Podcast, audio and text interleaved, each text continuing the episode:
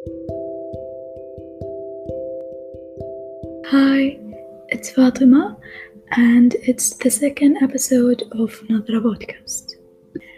قبل لا نبدأ جيبوا لكم كوب شاي وقهوة عشان يدخل كلامي مخكم بشكل جدا سلس وتكونوا مرة مروقين ويلا نبدأ الموضوع اللي بتكلم إياكم فيه اليوم هو موضوع جدا منتشر خصوصا في فئة المراهقين أو الشباب. فقدان الشغف or loss of passion من أخطر الأشياء ومن أسوأ الأشياء اللي ممكن تمر علينا. فقدان الشغف صورها البعض إنها حتى أسوأ من الاكتئاب. في تغريدة قريتها قالوا فقدان الشغف أسوأ من الاكتئاب. الاكتئاب قد يكون إبداعيا تتمكن عن التعبير عن نفسك بالكتابة أو حتى التفكير. أما بفقدان الشغف أنت مسطح تماما. فقدان الشغف يكون عبارة عن فقدان لذة المتعة في الأشياء. إحنا ما نحس بمتعة في أي شي نسويه. هواياتنا اللي كنا في قمة المتعة والاستمتاع لما نسويها ونمارسها صرنا ما نحس بشي غير اللامبالاة. كتجربة شخصية أنا واحدة عندي كثير مهارات وهوايات وأحب أخلي يدي تشتغل ما أحب أكون فاضية. أحب أفكر أحب أبدع. لكن لما عانيت من فقدان الشغف حسيت كأنه صار تفكيري رمادي. ما أحس بأي شي حرفيا الروتين كان sleep and wake up. أنام وأقعد. أنام آكل أقعد. أنام آكل أقعد. ما في أي شي جديد. أحس بالملل. اللامبالاة تجاه أي شي ما أحس بالمتعة تجاه أي شي أسويه. بالأصح ما أتعب نفسي إني أسوي أي شي أساسا. طبعا بعد حديثي مع العديد من الناس اكتشفت أن الكثير مروا بهذه المرحلة إذا ما زالوا أساسا فيها. طبعا فقدان الشغف طبيا يصنف كأحد أعراض الاكتئاب وبرضه طبيا يعني موجود. لكن أنا ما حتكلم عن الجانب الطبي طبعا إلا إذا كان فقدان الشغف عندكم جدا يعني عالي وما يعني حاولتوا تعالجونه. الحين حأعطيكم شوية علاجات وطرق عشان تتغلبوا عليه وما قدرتوا تتغلبوا عليه مهما قد مهما حاولتوا. هنا لا أنا أقول لكم أتمنى لو تزوروا يعني لو تزوروا طبيب. من الأسباب الرئيسية إلى فقدان الشغف هو الروتين الممل اللي إحنا مستمرين فيه. نقعد نداوم نرجع من الدوام وننام. حرفيا هذا هو الروتين الأغلبية قاعدين يعيشونه إحنا كخطوة أولى في التغلب على فقدان الشغف هو تغيير روتيننا هذا أساسا غير صحي لنا.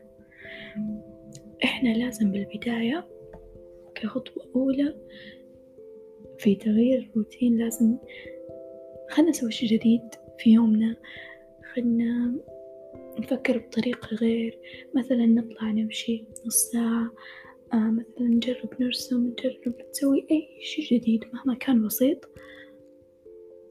هذه بنقدر نغير فيها الروتين. كل يوم بيكون غير عن اليوم اللي قبله. جربوا كل يوم شي غير. وحتحسوا بالاختلاف.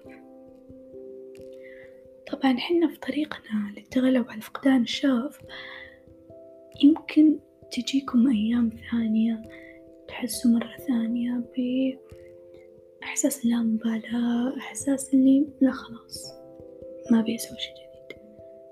لا تخلوا هذا الإحساس يتغلب عليكم أبدا. استمروا. أنا كإنسانة عانت من فقدان الشغف أنا أساسا يعني ما أقدر أبقى كذا بدون ما أسوي أي شي. فحسيت على نفسي حسيت إني قاعدة ما أحس متعة في أي شي أسويه جربت أدخل برامج جربت أتطوع. حسيت نفسيتي بدأت تتغير جربت أكتب. بدأت بديت أستلهم أفكار جديدة. بديت أصير أكثر إبداع. صارت شخصيتي وصار إبداعي أساسا أحسن من قبل. أحسن من قبل بكثير يعني قبل لا أصاب بفقدان الشغف لأني أساسا لما كنت مركزة على إني أتغلب على فقدان الشغف اكتسبت أشياء جديدة اكتسبت مهارات تغير تفكيري كثير أشياء. طبعا إحنا لما نغير روتين still يمكن ما يكون كافي عند البعض. يمكن البعض خلاص من غيروا الروتين تكون أمورهم تمام. في يمدينا مثلا إنه نتأمل يعني نستعمل التأمل مرة مرة مرة. صراحة شي جميل عن تجربة. يخليك تفكر بطريقة غير لو إنك طبقته بطريقة صحيحة. ف صراحة يعني إنه من الأشياء مو مو بس مفيدة لفقدان الشغف مفيدة عشان تصفي ذهنك مفيدة إلى التفكير بشكل عام. طبعا يمديك إنك تتعالج مثلا إنه تتكلم مع أشخاص ثانيين تعبر عن الشعور اللي فيك. يمكن إذا عبرت يكون هذا الشي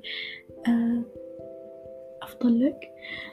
طبعا ما بتكلم عن علاج بحبوب أو شي لأن هذا الحالات اللي تكون طبية وتكون جدا مستعصية لهم أساسا يروحوا للدكتورة والدكتورة توصف لهم أدوية.